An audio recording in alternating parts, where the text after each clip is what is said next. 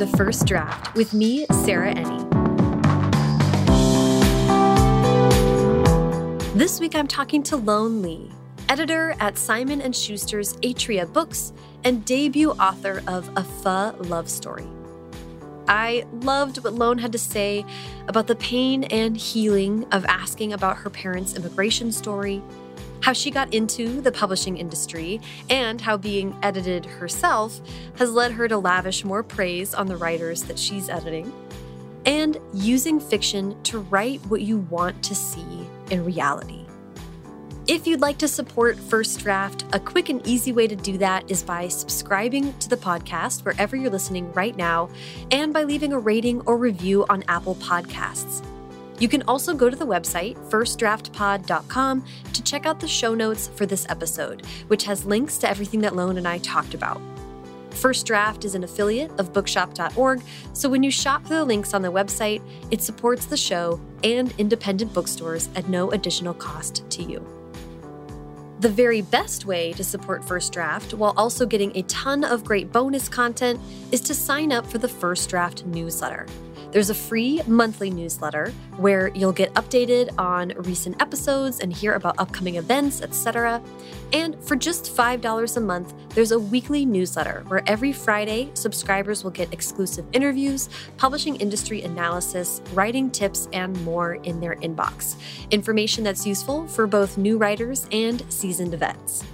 For example, in last Friday's newsletter, I spoke with novelist and creative writing teacher Matthew Salesses on his book Craft in the Real World and why we need to deconstruct the writing workshop to uplift marginalized voices. Sign up at firstdraftpod.substack.com or find the link on the website firstdraftpod.com. Okay, now, please sit back, relax, and enjoy my conversation with Loan. Hi, Loan. How are you today? Hi, good. How are you? I'm doing well. I'm doing. Where are you still in New York while you're writing out the uh, the pandemic over there? Yeah, so I'm not in New York. I used to live in Manhattan. Well, my, my apartment's still there, so that's mm -hmm. that's something else. But uh, I'm in Connecticut right now, which is oh, where gotcha. um, my parents are.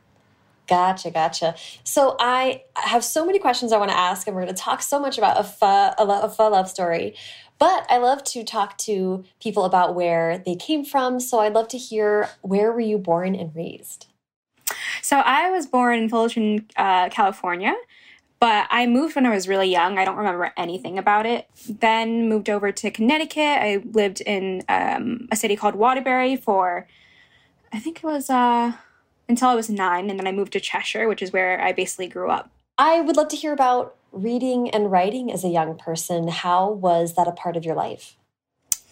So, writing, I had a horrible relationship with writing when I was younger. I did, I really legitimately despise writing because the thing is, I was, you know, I was born here, but my parents spoke mostly in Vietnamese. So growing up, I spoke Vietnamese, and I actually had to take an English as a second language class when I was in uh, first grade. I had to go enroll in that class, and I don't remember anything uh, from that class, but um, it helped me because I think I, I somehow learned how to speak better. But I was never really, you know, that confident in writing. But I still had an active imagination, and mm-hmm. I fell in love with reading. Uh, I think my gateway was kind of the first Harry Potter series, mm-hmm. uh, the first Harry Potter book, and from there, I I just kept on reading. I, I think I read a little bit. Uh, I read books that were a little bit older for me. Um, I think mm-hmm. that's the case for a lot of writers. So reading was great. Writing, not confident still until, until maybe in in high school was when I really fell in love with it. I think what held me back was uh, I found out that it was more of I didn't know a lot of grammar. Um, mm. I just remember my essays coming back with all these red marks and that was not good for my confidence um, mm -hmm. but it was it was like, like obviously necessary because the teachers were trying to help me but i think i just put that into the back of my mind saying like i can never be a writer because of this mm. because i couldn't grasp basic like grammar or i was using the wrong words in freshman year i still remember in in my english class i had in freshman year i had we were reading lord of the flies you know, the phrase figment of my imagination I had used pigment of my imagination. and so it was like little things like that. Like I'm like, oh my God, I'll, I'll never get it. Mm. And also idioms, like I, I, because my parents don't speak, uh, they, they speak English, they're fluent, but like they don't use those idioms. Mm-hmm. I never knew what they were. But I think it was in my junior year when I was in an AP uh, language and composition class with Miss Yamamoto, who who had actually has had passed in the recent years. She was that teacher who encouraged me the whole entire time. So she was really about supporting the students' passions. I love the way she taught the class and she would do this thing called occasional papers and i always remember them i always talk about them when i talk about my high school because they were a huge part of my journey in finding my voice mm. we could write whatever we wanted whatever mm-hmm. was like on our mind but we felt so passionate about it and then during class, we would read it out loud to our mm-hmm. peers. For me, that was, uh, you know, obviously terrifying. But because I had a piece of writing, a piece of essay that I put everything in, and um, all of myself in it, I felt confident. I had fun with it too. So, occasional papers were definitely that was like the uh, like one of the pivotal moments of my writing life of okay you know just put your voice on it just put your passion into the writing and it'll, it'll, it'll speak for itself so when i went to college i uh, i went to fairfield university in connecticut i think i was able to continue writing because of my the english department I, but i was a journalism major which mm-hmm. uh, for me was kind of interesting because I am an introvert. I've always been introverted. I will continue to be introverted. so a big part of journalism is not just writing, but talking to people. Mm-hmm. Um, but that kind of made me more comfortable with like talking to other people who maybe inspired characters in my stories. Um, mm. So I used that as a, a, a I, I saw I saw that as an advantage. Um, but yeah. my writing also, yeah. Sorry. Well, I was gonna say there's oh, hang on. There's a few things I want to make sure that we that we cover a little bit. There is so much yeah. great stuff in there because um, I want I don't want to pass over the experience that you had of getting comfortable with we're talking on a few different levels here about language, right? Like you were obviously comfortable and versatile with with speaking English, but idioms are such a such a good pinpoint, right? A place to say like there's so much more to being fluent than just knowing the language. Oh, that oh, yeah. is, that's such a the the this sort of undercurrent that we don't always stop and think about. Idioms are a great yeah. example of that. Um, well, part of the reason why I'm kind of poking at this a little bit too is that, of course, your experience, your family's history is part of what is covered in a pho love story, or at least it's referenced. And we'll, we'll get to how your personal life is is or isn't represented in the book um, in a minute. Yeah. But that seems really important. Like, um, do you mind talking about how your parents were immigrants? They have their own really intense immigrant story, immigration story, and I'm just wondering if you talked a lot about that or if you felt that experience growing up? I would say a lot. Uh, I don't think it's necessarily the focal point of the novel, but it's in the backstory, which sort of ties into the main character stories. Um, my family, they're all immigrants. Um, they escaped Vietnam by boat or by land in the 80s, and they came in the early 2000s. Um, or they came, yeah, or they came in the early 2000s. My dad came over right after the fall through the Vietnamese Navy, and then my mom and my aunt, my uncle, and my two cousins, one of them a toddler, had escaped at night by boat, and they tried escaping before but failed, and I think they succeeded at the eighth time. They were on a small boat with 39 other people and spent seven days at sea until they were rescued near the Philippines. And I hear the story over and over again, and it's, it's still very unbelievable to me, and the details are hard to grasp. But once they got to the States, after two years at the refugee camp in um, the Philippines, they kind of never looked back. Uh, getting my mom to talk about the experience for this book, it almost made me feel bad because there are things I know she probably does isn't ready to talk about and then when she does talk about it, she gets emotional and i i definitely feel bad um still it's it's i think it's kind of necessary to talk about it because it can be sort of healing and in this novel as the characters confront their parents about the relationship about what they really want in life, I think the family and the children are ultimately able to heal. So there's a scene with another character where it's this older character who's been through the war and everything, and he sort of tells the main characters that time is really needed when it comes to revealing the past. And I also agree with this too. I also wanted to emphasize in a love story, like just how hard uh, my family had worked to get to where they are right now. Like my parents, my aunts, and my uncles sacrificed a lot, and then my cousins who escaped by boat then my cousin, my other cousins just get by land, and the others who followed in the past two decades. They they all came over here and made a life so that the children, like, they don't have to really worry as much about surviving.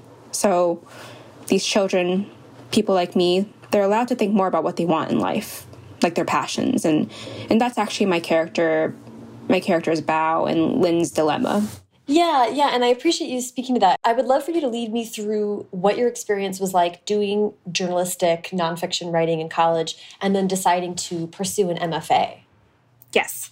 So I think I started out in my journalism. I think I was very straightforward, like just just pure um, news articles, mm -hmm. and that would require me to you know uh, to chase after sources and sit on meetings, which was not always awesome. um, and I was just right. I, my voice wouldn't be there. It was more of just facts. Mm-hmm. There's nothing about me that should be in the article, which is which is fine. I think I learned how to write succinctly. I learned how to write quickly for sure on deadline. Mm-hmm. At my newspaper, I started out on the the kind of arts and entertainment section. Mm-hmm. So I think, and I, I was eventually editor for it, and I think that's why my writing had shifted from peer journal like peer news articles to more feature writing where you have more liberty liberties with with how you express things and mm-hmm. and you can use more descriptive language. And i just enjoyed that so much just having fun with it having the freedom to you know to dip in and out of certain of certain quotes or scenes. Um, there's a lot of more i don't know if they're exactly the right word but there's a lot of more dynamic um, movement within feature writing that i love I had to practice my descriptive skills as well.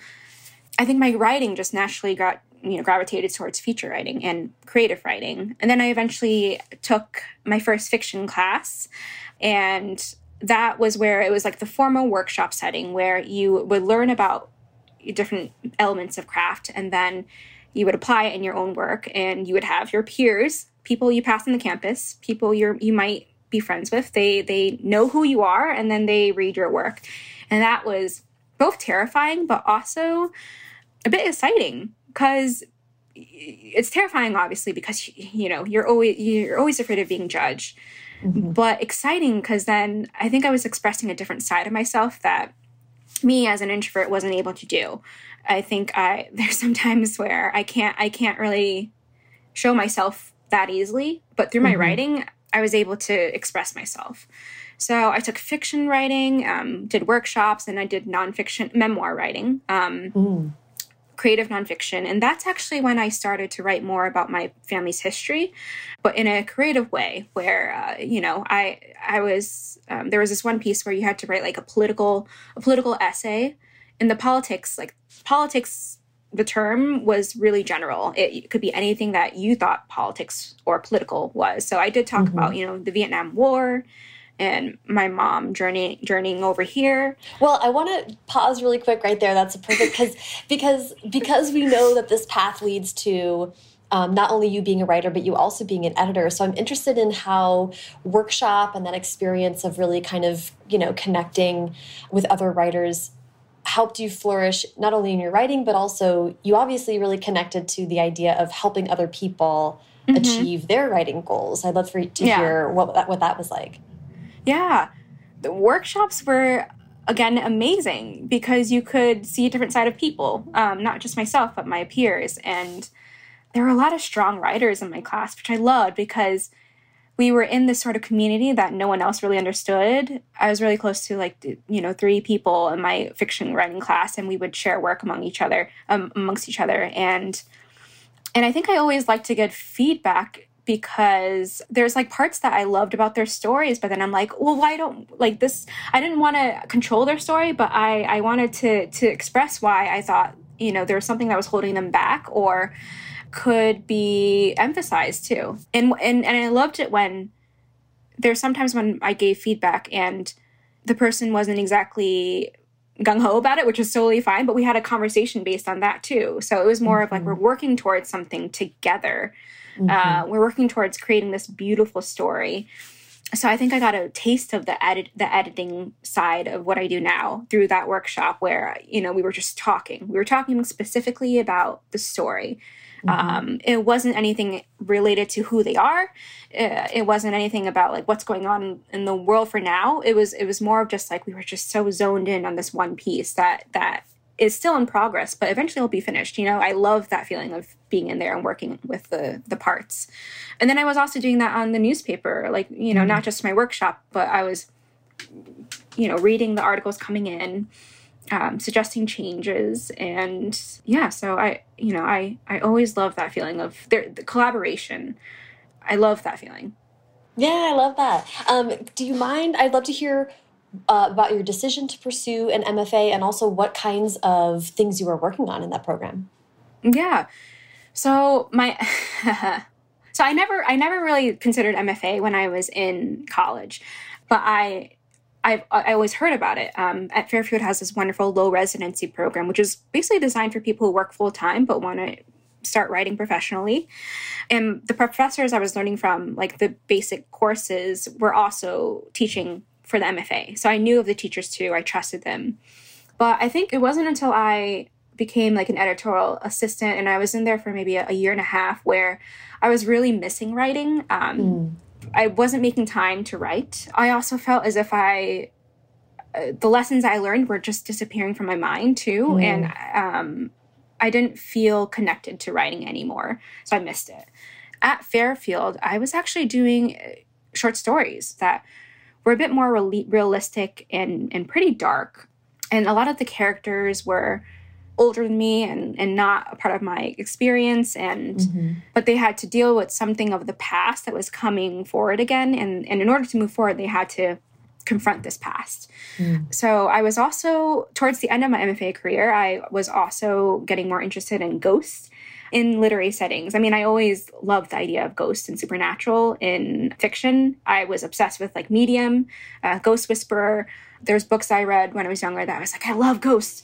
So I incorporated that incorporated that later on into my MFA short stories because uh, you know go the idea of ghosts I think are it's it's fascinating because it could be literal but figure or figurative. It mm-hmm. could be there's always some kind of ghost in our life, mm-hmm. and maybe that has to do with you know my family how like the ghost of the past is always there. Like I always am reminded that they had escaped Vietnam and and they had to build a life for themselves here. Like my cousins, my mom, my aunt and uncle and I think the suggestion is always there that there's some part of them that there's some part of them that wasn't always here and they had to make mm. it.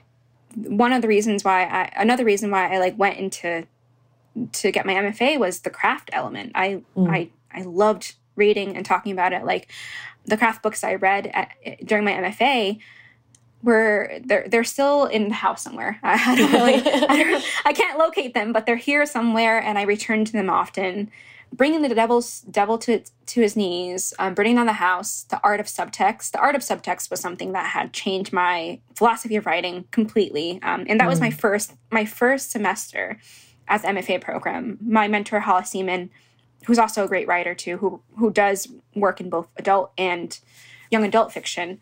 She had given me this because there were some things that I was writing in my story that I think weren't fully expressed, but it wasn't clear if the things I was trying to write were purposely vague or if mm. they were just hmm.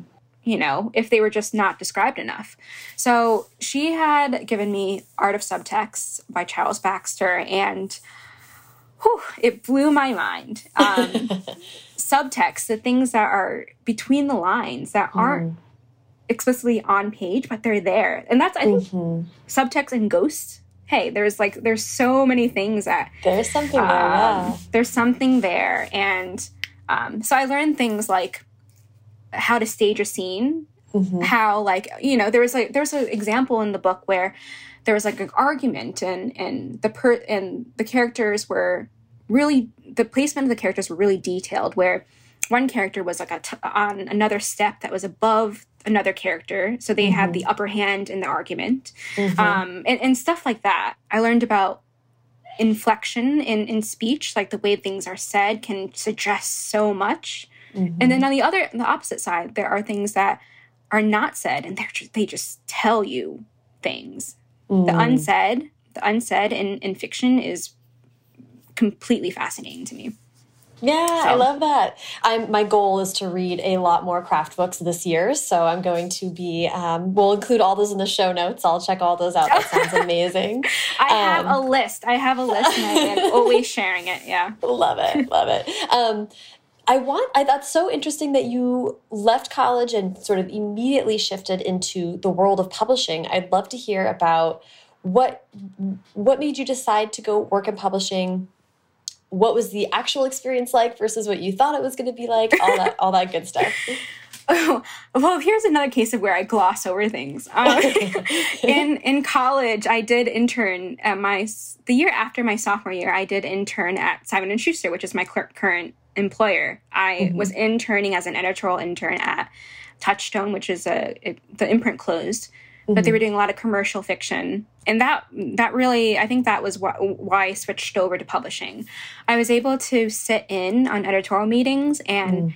hear people talk so passionately about the authors that they had the submissions that they loved the agents that were, were giving them these submissions mm-hmm. that whole thing about hearing passion in people's voices that really grabbed me and that people just love books as much as me you know that was such mm-hmm. a great feeling Mm -hmm. I was reading behind the editors. I was reading submissions that were coming in and writing like book reports for it. And I always enjoyed book reports uh, my whole entire life. So, so that was kind of like school, little elementary school Loan is like happy. Uh, so I was able to do that, and I was working with other, um, you know, editorial assistant, assistant editors, younger people in publishing, and I love that experience too because I was learning from them because mm-hmm. they were once in my shoes too as an intern, but they were they had I, I feel like editorial assistants know so much and, and they should they're really they just know everything because they have to they have to mm-hmm. know who to talk to about production issues about art issues and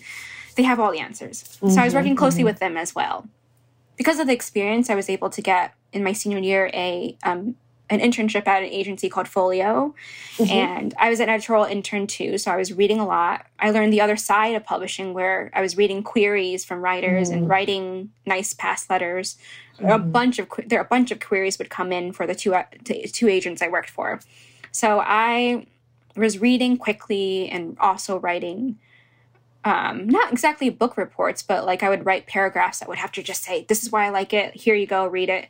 Um, mm-hmm. I had to be like concrete with what I my dislikes and likes in mm-hmm. in my reports. So that really helped me. That's a skill that I still use now, where you have to love something and you have to express it so clearly. You can't, mm-hmm. if you want to chase after a book, you can't lead with the the negatives of a manuscript. You have to really love it. So from the agency, um, I was able to get like maybe like it was two informationals where um, it was too early on um, for me to actually look for books. I mean, mm -hmm. look mm-hmm. for uh, to look for jobs. But from there, I was able to get able to get some informationals. But then I think it, so. I had gotten the position as editorial assistant at Simon Schuster, my first job, because of the assistant that I the assistants I mentioned. You know, in my initial mm -hmm. internship. Mm -hmm they were they've already moved up in their career and and so they were leaving the the they were like an assistant editor or it was like associate editor or something that didn't require them to be completely editorial assistants um, so they thought of me and that was just so great wow. you know? that was yeah. such a great feeling i'm forever indebted to this person it was luck hard work and like the goodness of other people you know the kindness of people publishing is yeah i think i'm very fortunate to have a good group of people around me. That's amazing. So that and like I love yeah, I love hearing that being around passionate people is such a obviously a driver um, for you professionally and in your life. I, I can absolutely relate to that. That's like why I do what I do. I love talking to people about their work. It's so fun. Um, so yeah. I definitely get that. Um, I I really enjoy you talking about needing to know what you like and being able to express that. That is actually something that I think I think we all innately are gravitate we innately gravitate towards what we like. We but we don't always know what that is or mm -hmm. how to express it or why we like what we like. So it's so interesting that you kind of really had to hone into that. And that must have helped you on your the writing side of your life too. Yeah. Yeah. So yeah, as an editor, I'm I am I'm still like a younger editor. My title is editor, but it's taken me like six years to get there. And mm -hmm. um I'm kind of still debuting in the, pub the, publishing industry where I'm making connections and talking to more mm-hmm. agents and things. But I think from the very beginning, I always knew that I liked darker fiction and the things that I would read my my I would I would talk about it. I would I would say, "Oh, I love this submission at Ed Board," or I would talk to the editors I was working with, and and I would say, you know, I I really love reading this type of genre. Like I can read more of that. Mm -hmm. So it didn't really come as a surprise, I think, to most people when I eventually um, I've been I've been saying, you know, I like dark, atmospheric, character-driven, upmarket and literary fiction, but at the same time, I have been uh, I've been realizing that the books that I read are sometimes interesting blends of things. They're not mm -hmm. the categories are sometimes hard to um, express. Mm -hmm. So I've been leaning on what I call literary plus, and it's mm. literary writing where the character is the focus and there is a certain style in the writing. But then there's also the plus side is that genre element that that that helps with the plot itself. Mm -hmm. I'd love to actually start with how does a pho love story come about? When did you start? You know, you you have a very time consuming, challenging job as an editor, and yet you made time to continue writing on your own.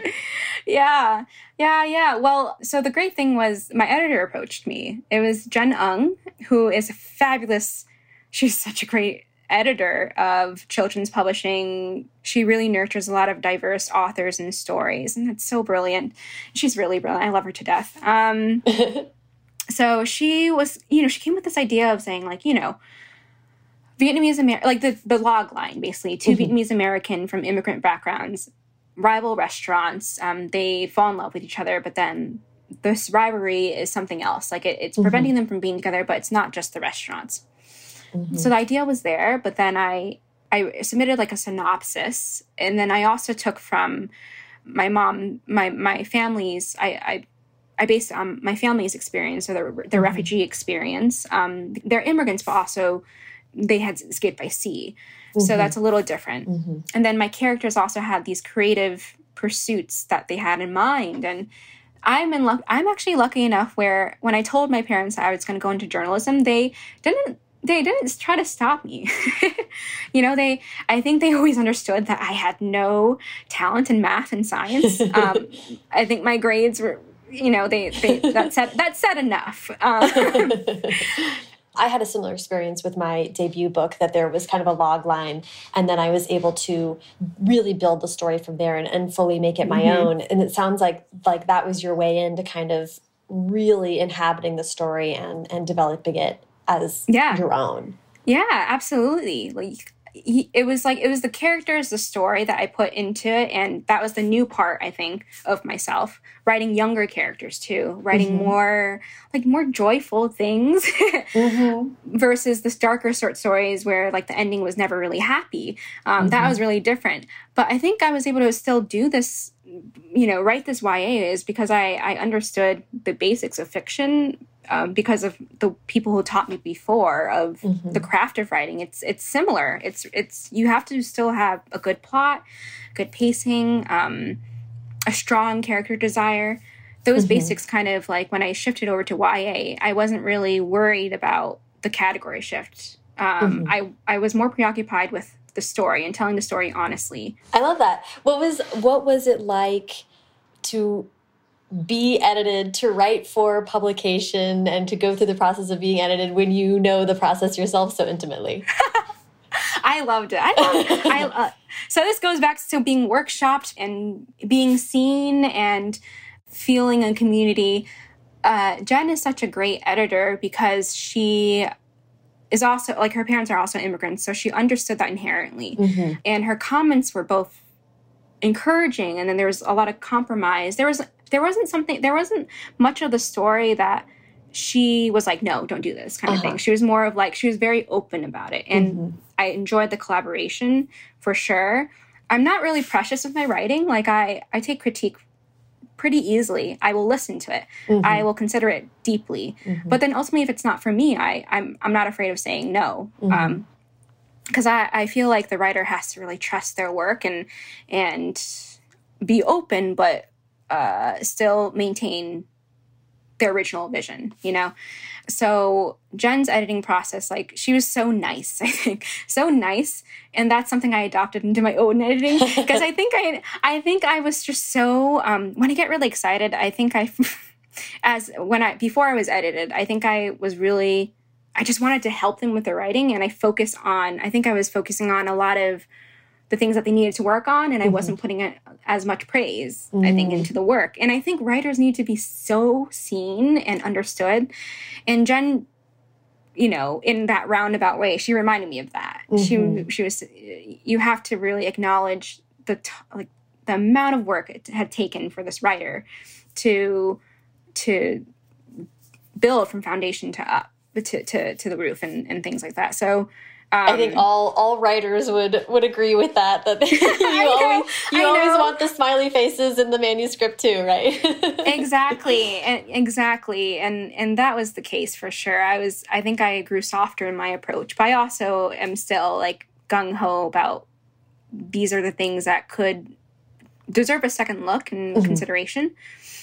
So the whole entire time, I I loved it. I again, I'm not precious about my writing. I take it. I, I take it, consider it. And I think I grew numb to, I actually did grow, grow numb to negativity about my work or like rejections, that part of my life, because I, I was submitting stuff mm-hmm. like through college, throughout college, and I got tons of rejections. And mm-hmm.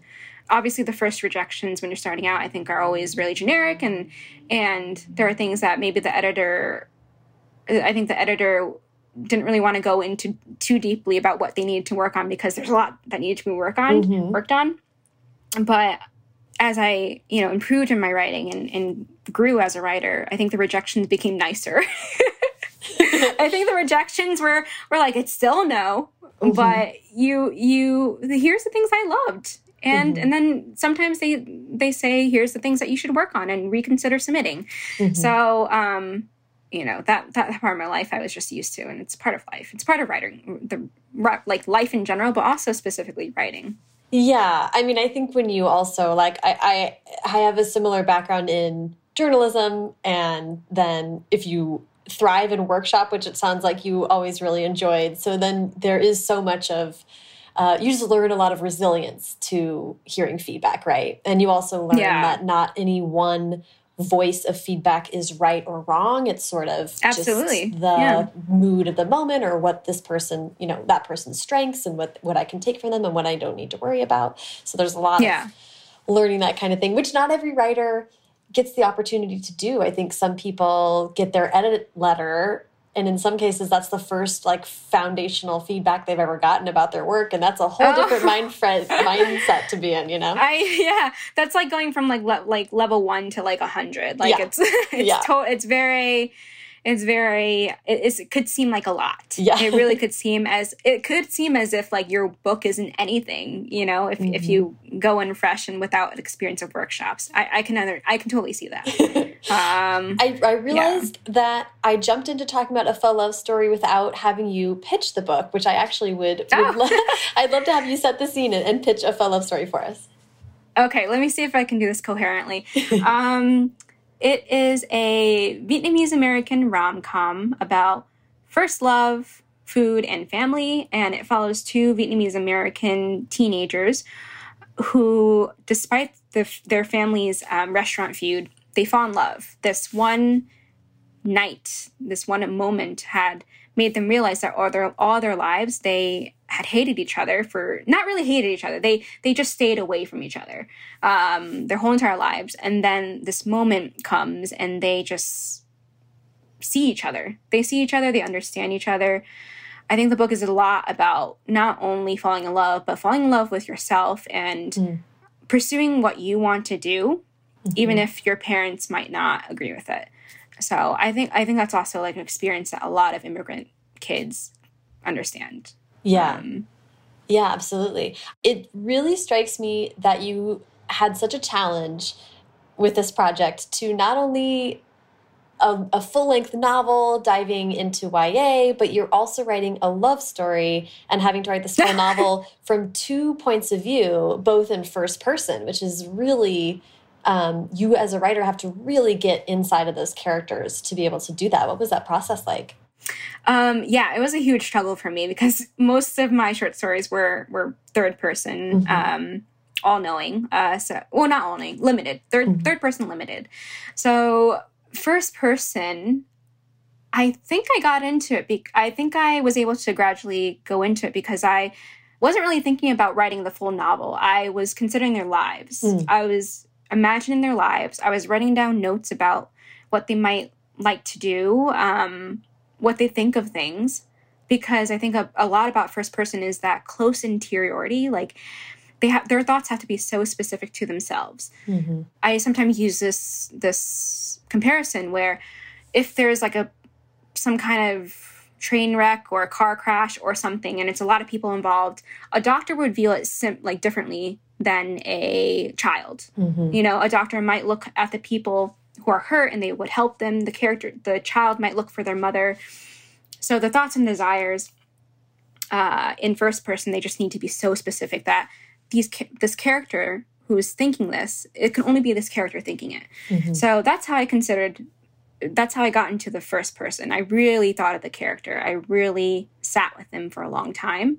I want to talk about I just am so obsessed with you talking about ghosts and how you love ghost stories because that's absolutely central to a pho love story. Like it really is about family and secrets and what how the past continues to live with these families. So do you mind talking about how you kind of delved into that?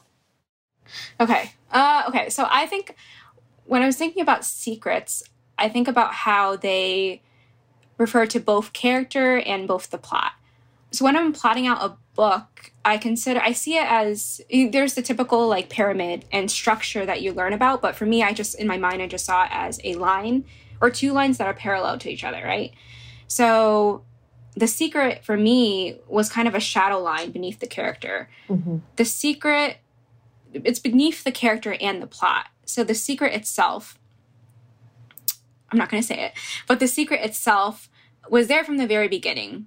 So, you know, there is some conflict around it. Like they know that there's a secret, but it's just the beginning. So they don't do much to explore it just yet because it's just a part of their life. It has been there forever. Mm-hmm. But then a novel, like novels always start when there's like this, I'm borrowing it from a friend, but moment of impact where this event changes their their their whole world. Mm-hmm. So in this in this book, it's when the two of them meet. They realize that there's something that both of their families don't mention because for a reason, and that is when the story sort of develops from there, where mm. the secret is it's just in every conversation in some ways. Um, sometimes it's mentioned really clearly, or sometimes uh, there's like certain conversations in this novel with the parents where the parents kind of avoid it. They mm -hmm. they redirect, or they're saying I'm too busy, or something like that. Mm -hmm. um, so there's like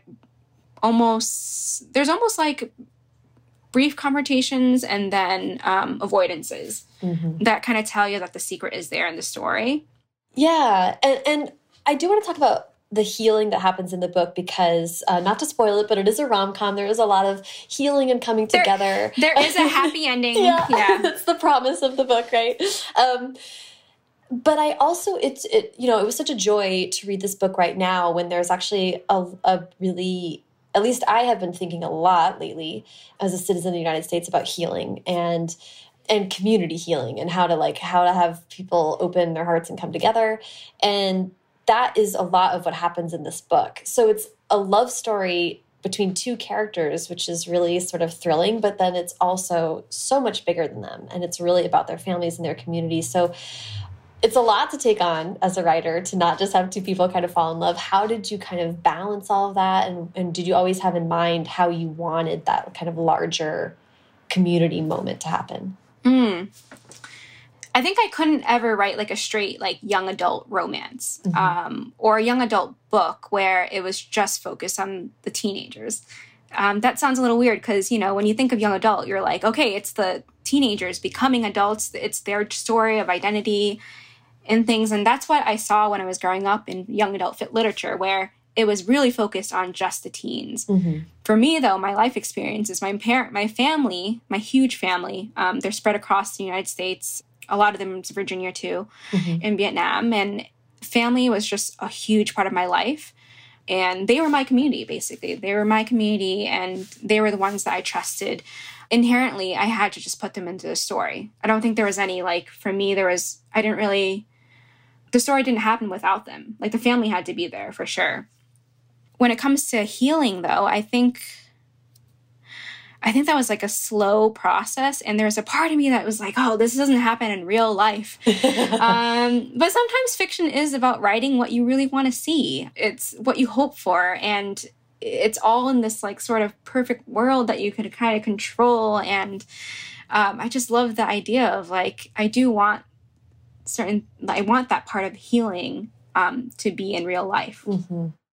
I'd love to hear, you know, what, after going through this experience, writing your debut novel, what's next, but also how did you think about what you wanted to do next as a writer? Oh, I always my, there's always ideas floating around. It's net ideas are always there, but on on page, no. There is just in my head though. So mm -hmm. so I mean, the other day I was joking that like I went on a walk and I wrote a whole novel. Um, uh -huh. but um, the ideas are always floating around, and I was I'm I am still writing adult short stories with the mm-hmm. ghostly angle it's because I have to. Like, if it if it sticks if it stays in my mind, then it will like interfere with my other parts, my working life probably. Mm-hmm. It'll interfere with my working part, so I have to put it somewhere. Mm. So I am working on further re- revising an adult ghost story, but then I do like some of the side characters in a, a Phở love story, and I do want to stay with them. So I'm working on something that could be in the the world of a Phở love story. Um, Love it. But then also going to like the adult side of me, like there is like an adult mystery that I'm. I really just need time to to to build out. Um, I want to ask about uh, about advice I'm interested in though, like you already mentioned one way in which having your debut book, writing your debut book has sort of changed you as an editor. Are there any other ways that you think this experience has changed? You know, has editing's changed you as a writer or writer has changed you as an editor? Yeah, so writing as an editor, I actually think I learned to be more forgiving um, mm -hmm. for the mistakes I make. Writing as an editor, I just because writing the, the act of writing it's in progress mm-hmm. you shouldn't really judge yourself for what you're writing as you're writing mm-hmm. that only comes in when you've finished that whole thing finished mm-hmm. the the manuscript and that's when i put my editor hat on where i don't think of myself as the author i think about the audience um, mm. i think about the people reading this and where the misunderstandings might be where there are things that could be emphasized that would be more um, attractive to the readers. But I think for the most part, I was just writing. I just considered myself a writer as mm-hmm. I was mm-hmm. writing, and then I would edit later on. Editing as a writer, I think I was able to. I, I really just put myself apart from. I put myself at a distance from the write the the manuscript. I was just pretending that it was a stranger writing it. That mm. was something completely new that I was looking at, and so that my selfish writing side wouldn't appear um, as I was looking at the, the whole entire book. Uh, yeah. I think that's really that's so smart. Just the last piece of advice I would just love, you know, there's so many aspiring writers who listen to this podcast and they don't all get the opportunity to talk to editors um, unless they are their editors. so I just was I would love to hear from you from the editorial side, is there something that you think writers should know or advice that you would give to writers who are seriously pursuing publication? There's a lot. Uh, there's a lot. um, so I'm gonna go out of order. Maybe you can stitch it together in whatever way it makes right makes sense. But I do think if you are intending to publish, you do have to think about your readers, and you do mm -hmm. have to mm-hmm. think about whose readers would you want to reach for. Like you can't really. The readers are. You have to think about comparative titles. We call it comp titles. Mm-hmm. and the industry, we like to use fresh comps where mm-hmm. uh, the comps are maybe like two years old. Mm-hmm. I think the re- like writers have to really read recently because mm-hmm. mm-hmm. it's not like we're ignoring the past successful writers, but it's more logical for uh, when the book eventually gets published, where the sellers hear about, oh, they hear about this novel that is similar to this novel that published a year ago. They know a way in. They know how to pitch it to the buyers so I think comps are important. Read it. Re- mm. Read your comps. Like I don't think it's worth thinking that you your book is so original that there's no comps. I, I Yep. You know, there's a lot about books and publishing. Like it's so intertwined. Mm-hmm. I don't think it's impossible to to not know a comp. Um, mm-hmm. And if you do think you're struggling so much, I think comps could be pitched as not just oh, this book is like this title and this author. It could be pitched as this book, my book, it has the writing mm-hmm. style of this writer or has the atmosphere of this book. Mm-hmm. To be more specific, to be to give more of a specific reason why you're citing this comp- comparative title. Mm-hmm. That's also really helpful for agents and and and editors. So there's always a comp out there. Just look. I always tell writers to just if they do want to publish, because you could be a writer without being published. I agree. I feel that completely. Um, but if you do want to be published, put your work out there mm-hmm. and get those rejections, man. Get those rejections, get them over with. Listen to feedback from writing peers. Mm-hmm. Um, I think you're in this day and age, you can find your peers. Um, I'm lucky enough to have a support group uh, from my MFA program, but also from fellow, fellow writers in publishing too. Mm-hmm. But there's writing groups online. There's community classes where you don't have to really pay, but you know you can just go to those classes, and mm-hmm. there's always a community that will be able to to give feedback. Mm-hmm. So don't be afraid to like put your work out in the world for sure. Just do it. yeah. I, I love the idea of you do sometimes have a shelf manuscript it's your first book. It's something that you struggle over over and over again and you kind of can't move beyond it because you're so into it. You're so into mm. this first book that you wrote. Sometimes it helps to move out move outside of it and write something else. Sometimes mm-hmm. it's better to just shelve it for a few years and maybe mm-hmm. you'll learn a few things about writing. Maybe you grow out of certain things you you realize your mistakes and you learn from it and then you can return to it. I think there's nothing wrong in that the first book that you write don't don't try too hard where you have to force yourself because then it's the, the, the special part of writing it just it gets sucked out of the whole entire experience yeah.